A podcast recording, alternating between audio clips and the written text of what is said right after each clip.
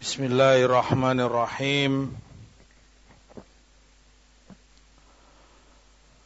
الحمد لله والصلاة والسلام على رسول الله وعلى آله وصحبه ومن والاه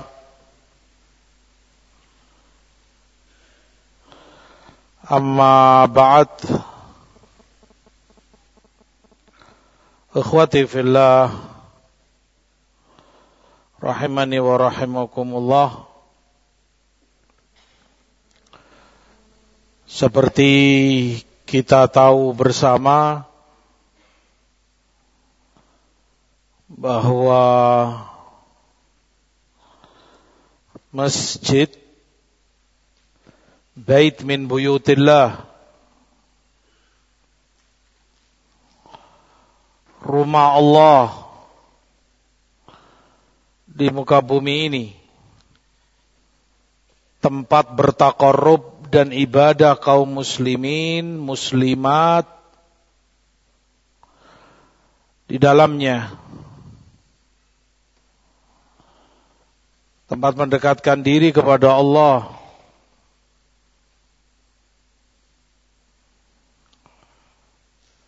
Maka Islam sangat memperhatikan masjid ini dan kemakmurannya. Banyak anjuran dan penjelasan tentang fadilah memakmurkan masjid dan lawannya ancaman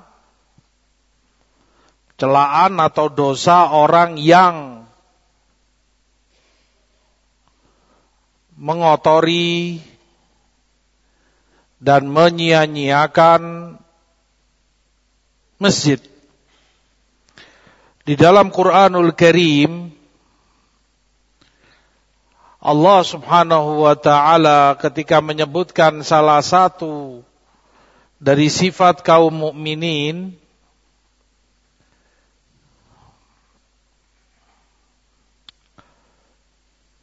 fi buyutin adzinallahu an turfa'a wa yudhkara fiha ismuh yusabbihu lahu fiha bil ghuduwi wal asal di rumah-rumah, di masjid-masjid yang Allah izinkan untuk diangkat, dimuliakan dan disebut namanya di situ, bertasbih kepadanya di pagi maupun petang hari.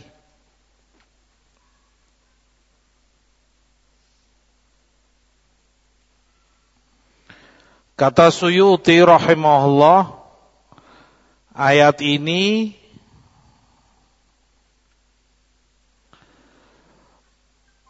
mengajarkan kepada kita untuk seorang mukmin maupun mukminah mengagungkan masjid dan perhatian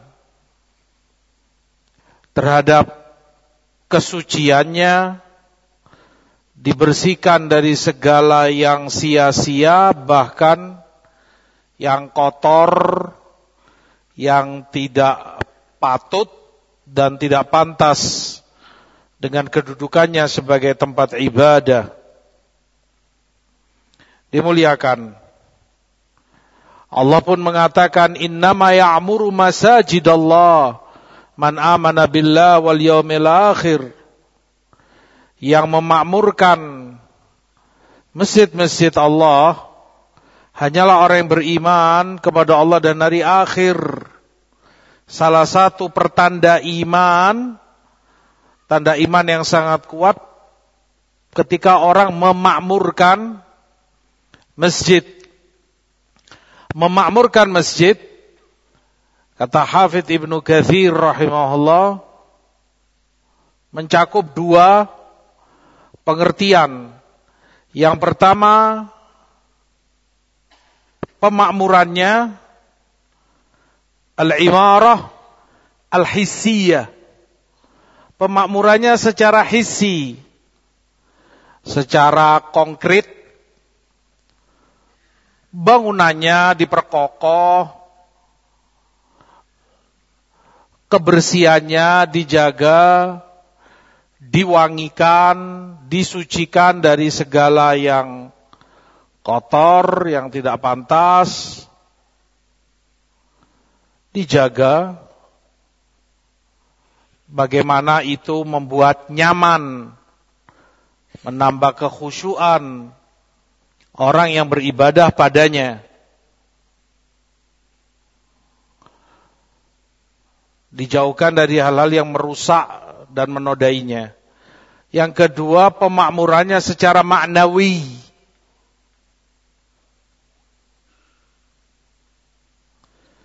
Secara maknawi dimakmurkan dengan zikrullah, dengan ibadah, dengan sholat, dengan ilmu, hakada. Sehingga makmur masjid itu dengan keduanya, dengan pemakmuran hissiyah dan pemakmuran maknawiyah dan itu tanda orang yang beriman. Oleh karena itu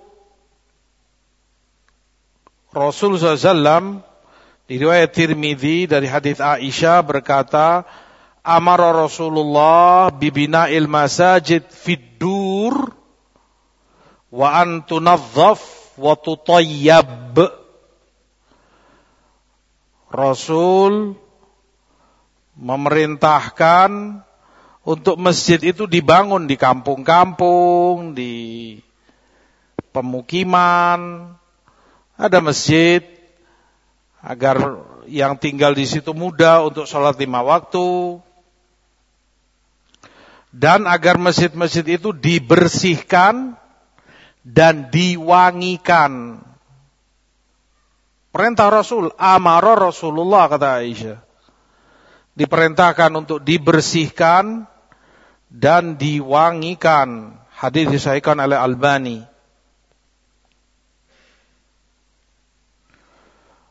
Begitu tinggi keutamaan dan fadilahnya sehingga kita tahu di Bukhari Muslim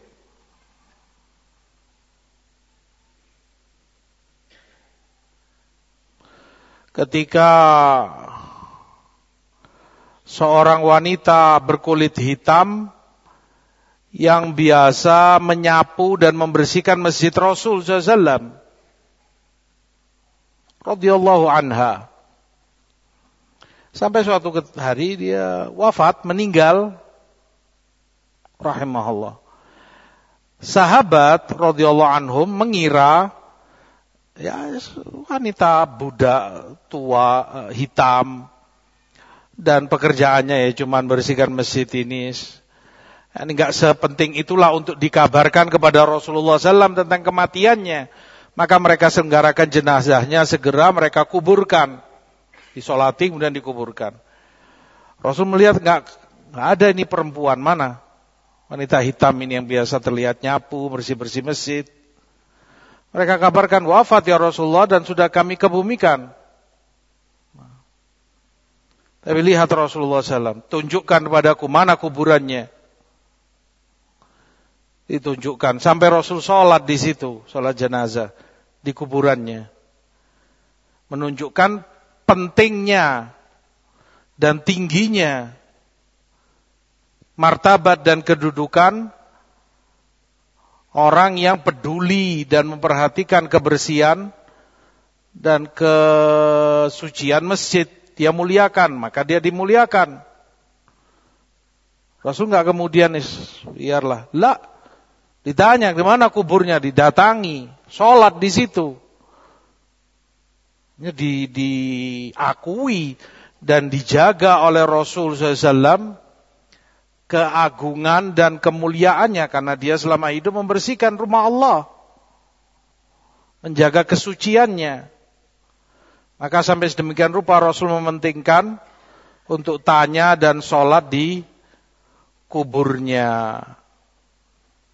Termasuk ancaman pula yang tidak memperdulikan ini di dalam Bukhari Muslim dari hadis Anas Al-buzaq fil masjid khati'ah wa kafaratuha dafnuha. Meludah di masjid itu suatu dosa, sogair, dosa kecil. Dosa kecil bukan berarti kemudian diremehkan dan boleh dilakukan. Tapi dosa bertingkat-tingkat tentunya. Ulama bagi yang tidak sampai kena laknat, yang nggak sampai ada hukuman had, maka itu masuk sogair kategorinya. Al-buzak khati'ah, meludah di masjid khati'ah. Dan kafarohnya penghapus dosa ini adalah dafnuha kalau di zaman itu, karena masjid tanah atau pasir, tinggal dikubur, ditutup dengan pasir lain, selesai. Al-Muhim intinya dibersihkan. Kalau sekarang ya mungkin pakai tisu atau apa. Itu kafaroh ketika dia mengotori, menodai rumah Allah tabaraka wa ta'ala. Asyahid Rasul katakan khati'ah termasuk dosa ketika orang mengotori dan menodai al-masjid yang seharusnya dia agungkan, dia muliakan, malah dia mengotorinya. Di hadis Ibnu Majah dan Nasai ada kelanjutan bahwa seorang wanita dari Ansor ketika melihat luda itu dia bersihkan. Tak tahu siapa yang ngeluda, walhasil dia bersihkan di masjid. Kemudian mungkin ada bau atau apa, dia kasih wewangian, eh, dupa atau apa agar wangi, agar tidak tersisa bau tidak sedap dari ludah tadi. Dan sampai itu kepada Rasulullah maka beliau katakan ma ahsana hadza. Dipuji oleh Rasulullah sallallahu alaihi wasallam. Ma ahsana hadza. Betapa bagusnya perbuatan ini. Perbuatan si wanita ini. Karena dia membersihkan, peduli, nggak dibiarkan ada kotoran menodai masjid dia bersihkan bahkan kemudian dia tambah dia wangi dia bawa dia wangikan masjid tersebut. Nah, ma ahsana hadza. Disanjung dan dipuji oleh Rasul sallallahu alaihi wasallam. Demikian pula di Abu Dawud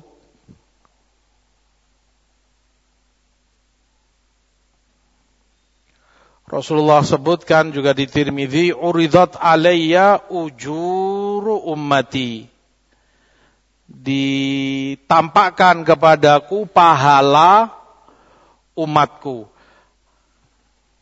Ditampakkan pada padaku pahala yang didapati oleh umatku.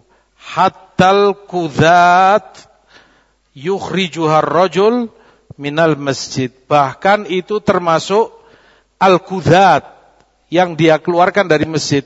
Al-kudat itu asalnya maknanya kotoran yang ada di mata. Kamu kalau bangun tidur atau apalah misalnya kan ada orang Jawa bilang ketek, kering, kecil di mata. Bahkan kadang mungkin nggak kelihatan yang matanya min. Kecil sekali kotoran itu yang ada di ujung mata sini. Itu kudat. Bahkan sekecil itu di masjid noda, kotoran. Tidak dia biarkan, dia ambil, dia buang keluar untuk kesucian masjid. Agar bersih masjid itu terjaga. Rasul sebutkan itu termasuk pahala yang ditampakkan kepadaku dari pahala umatku. Dan bagaimana para ulama wal aimma mengamalkan itu pahala tidak boleh kebaikan ada yang diremehkan. Pernah suatu ketika kita melihat secara langsung kita lihat sendiri waktu itu beberapa dengan asatidah kita sedang ziarah ke rumah Syekhuna Syekh Rabi' Ibn Hadi Al-Markhali Hafizahullah wa afa. Al-Muhim Salat Isya Ada masjid dekat rumah beliau Salat di situ, kita pun ikut di situ. Menunggu komat Kita lihat sendiri. Syekh setelah duduk, setelah salam Menunggu komat. Itu ngambili di permadani di karpet ini yang dibuat sholat kotoran-kotoran kecil yang beliau masukkan ke sakunya begini. Ya mungkin apa, entah itu rambut, entah itu adalah di karpet itu kotoran-kotoran apa sih? Antum dapati. Nah, dipilih sama saya begini. Diambili satu-satu. Kudat Rasul sebutkan. Bahkan kalau itu seperti sekecil kotoran mata ini atau orang bilang afuan tai mata atau apa. Sekecil itu pun ujur ummati Rasul sebutkan termasuk kebaikan dan pahala umatku diamalkan demi menjaga dan memelihara kesucian masjid. Nah, demikian pula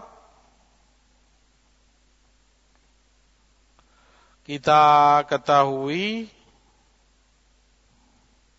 ketika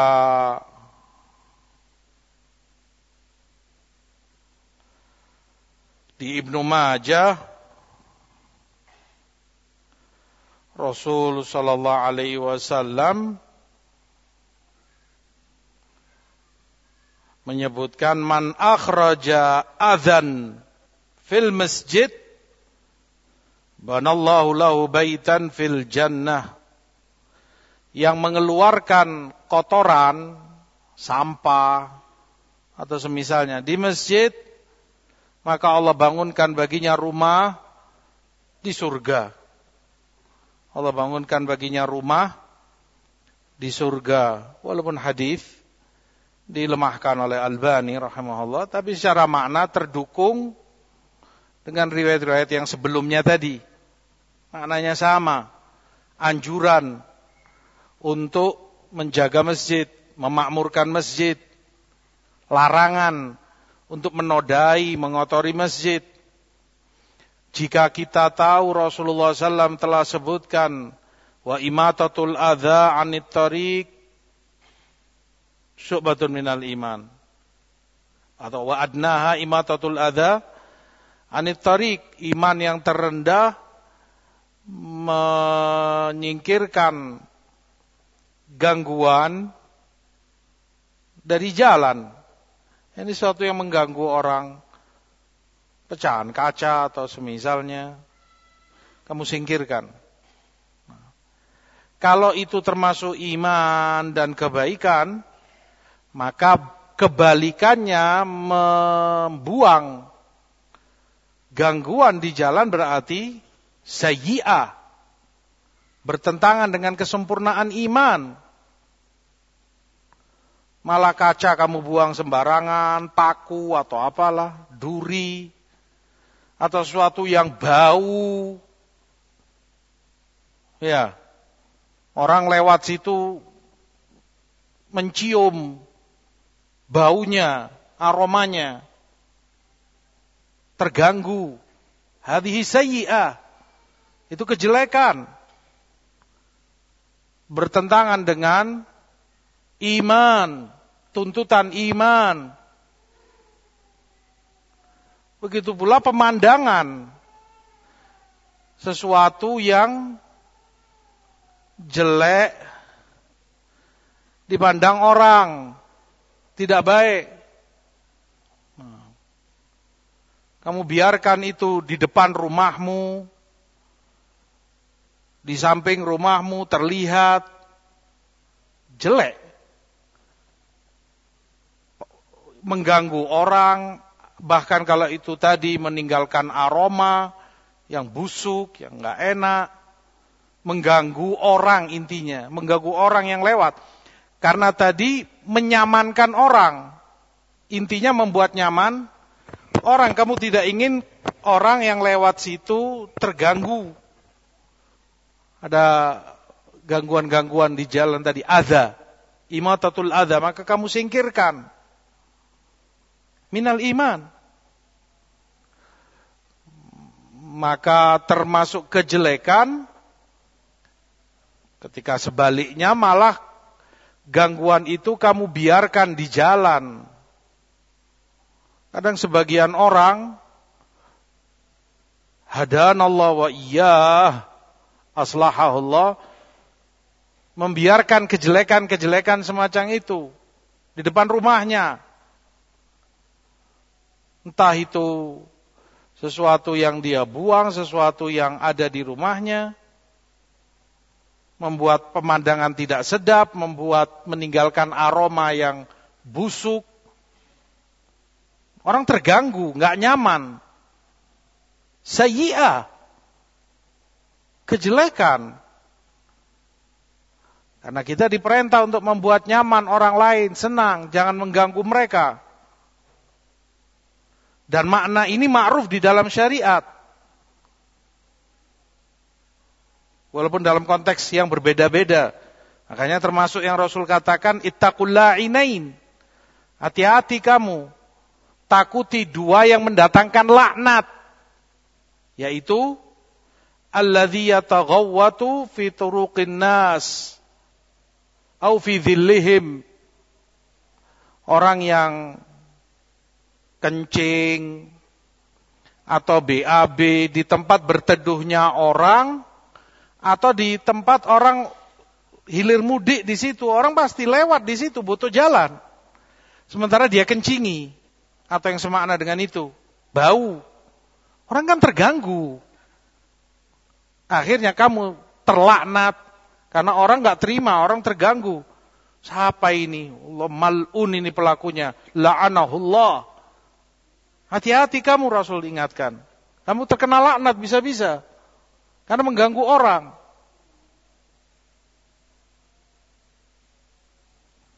Atau itu tempat berteduhnya mereka. Orang istirahat di situ, capek, berteduh karena panas dan semisalnya. Kamu ganggu dengan aroma-aroma seperti itu.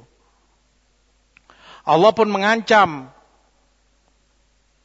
Walladzina yu'dhunal mu'minina wal mu'minat bighairi maktasabu faqad ihtamalu buhtanan wa ithman mubina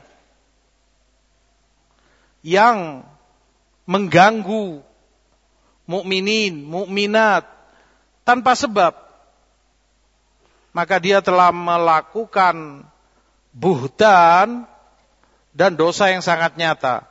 Apa dosanya mereka? Apa salahnya mereka?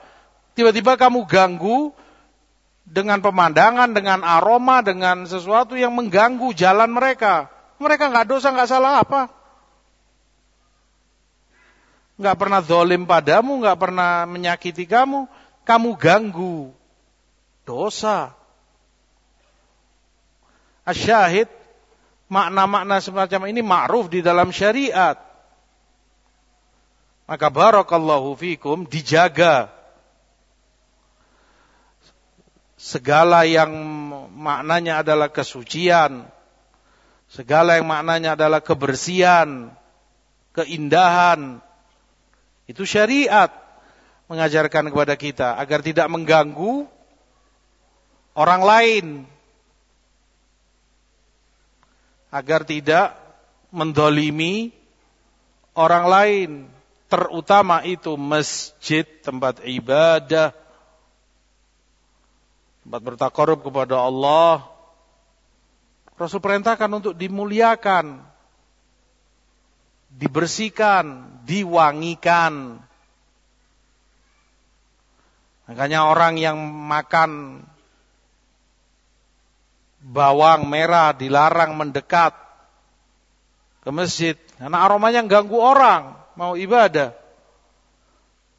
Perokok lebih-lebih lagi baunya busuk mengganggu orang yang sholat. Begitu semisalnya. Makanya kata Syekhul Islam, walaupun itu khilaf, tapi pendapat beliau menjamak dari sekian madhahib bahwa mandi Jumat itu hukumnya sunnah. Mandi Jumat hukumnya sunnah tetapi menjadi wajib berubah. Hukumnya menjadi wajib kalau kamu bau kalau nggak mandi. Sebagian orang kalau dia nggak mandi bau, keringatnya bau, aromanya keluar, ganggu orang. Haram. Sementara orang datang untuk mendengar khutbah, untuk ikut sholat, Jumat. Yang lain datang dengan wewangian dan lain sebagainya. Kamu malah mengganggu. Kalau kamu bau, jika tidak mandi maka wajib mandi bagimu. Rahmatullahi alaih. Dengan demikian, kita berharap baik itu nisa terutama karena sekarang durus dan taklim di Masjidun Nisa di bawah sana maka diharapkan masing-masing menjaga kesucian, kebersihan masjid, wanginya masjid. jangan ada noda, kotoran, sampah yang tertinggal. Sepulang taklim, mungkin anakmu makan jajan atau apa kue, bungkusnya ditinggal gitu. Ya anak kecil nggak paham. Kamu sebagai ibunya, aslahakillah, harus perhatian. Tadi anakku bawa jajan ini bawa kue ini, ada bungkusnya, permen, wa ila apa, ambil, masuk ke tasmu. Kalau mengambil kotoran di masjid, kalaupun itu sekecil kotoran mata, pahala, malah kamu meninggalkan dosa. Kalau mengganggu di jalan itu sudah bertentangan dengan iman, kesempurnaan iman, Apalagi ini meninggalkan kotoran, mengganggu di masjid. Sampah di sana sini sepulang taklim. Padahal itu tempat yang mulia, tempat ibadah. Maka mayasluh. Nggak boleh yang semacam itu terjadi. Bahkan di tengah-tengah talibatul ilm. Terlebih, lebih jelek kalau itu terjadi di kalangan para penuntut ilmu maka sekali lagi perhatikan kebersihannya, jaga kesucian masjid. Demikian pula rijal di kita sendiri, di masjid ini. Harus ada ta'awun untuk menjaga kesucian dan kebersihan masjid. Nggak boleh ada dan tidak boleh dibiarkan sesuatu yang menodai dan mengotori masjid. Seharusnya nggak boleh ada dibiarkan semacam ini. Apa itu? Wuwung atau apa namanya?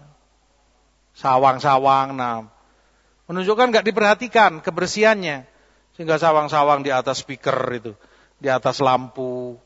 Nggak ada kebersihannya. Kalau orang dulu, walaupun konteksnya beda, orang dulu kalau mau ngelamar anaknya orang, si putri ini Orang tua laki yang mau ngelamar kepingin tahu dia ini bersihan enggak. Karena mau jadi ibu rumah tangga. Mau jadi istri. Bakal ngerawat rumah. Rajin, bersih-bersih apa enggak. Itu dilihat rumahnya. Ada sawang, kirim salam. Berarti enggak bersih ini anak. Di rumahnya sendiri. Enggak perhatian dengan kebersihannya. Kalau dia perhatian, enggak ada sawang-sawang di rumahnya. Dia bersihkan, setiap entah itu sepekan sekali, entah itu kapan. Tapi kadang sebagian rumah, kamu perhatikan, sebagian rumah sawang itu di sana sini. Di hammama, di tengah rumah, di kamar, di sana, di sini. Sawang di sana sini dibiarkan. Kamu ketahui dari situ orangnya, penghuninya tidak peduli dengan kebersihan. Wahadalah yasluh. Enggak baik yang semacam ini. Kalau itu rumah, apalagi masjid. Dijaga barakallahu fi kebersihannya. Bikin jadwal piket membersihkan sawang-sawang, membersihkan yang kotor, ternoda di karpet, di lantai, dalam, luar, Termasuk bahkan di luar sana, jangan biarkan ada sampah, kececeran, bungkus makanan, wafer, wa ila apa, daun ini itu berceceran di depan masjid. Walaupun itu bukan masjid, tapi orang mau ke masjid, melihat pemandangan semacam itu, bersihkan. Nahnu muqassirin. Kita banyak lalai, kurang dari yang seharusnya. Seharusnya masjid itu tutoyab seperti Rasul katakan. Diwangikan. Dikasih aroma wangi. Diukup, dikasih dupa, atau wangian. Sehingga orang sholat itu yang dia cium wangi. Menambah khusyuknya mereka, membantu kenyamanan sholatnya, ibadahnya. Dan malaikat senang dengan apa yang disenangi Bani Adam kita senang yang bersih, suci, wangi. Para malaikat pun alaihi musallam demikian. Maka buat mereka nyaman, para malaikat. Buat mereka senang, wangikan, sucikan, bersihkan masjid kita. Kaca-kaca, jendela, dan semuanya.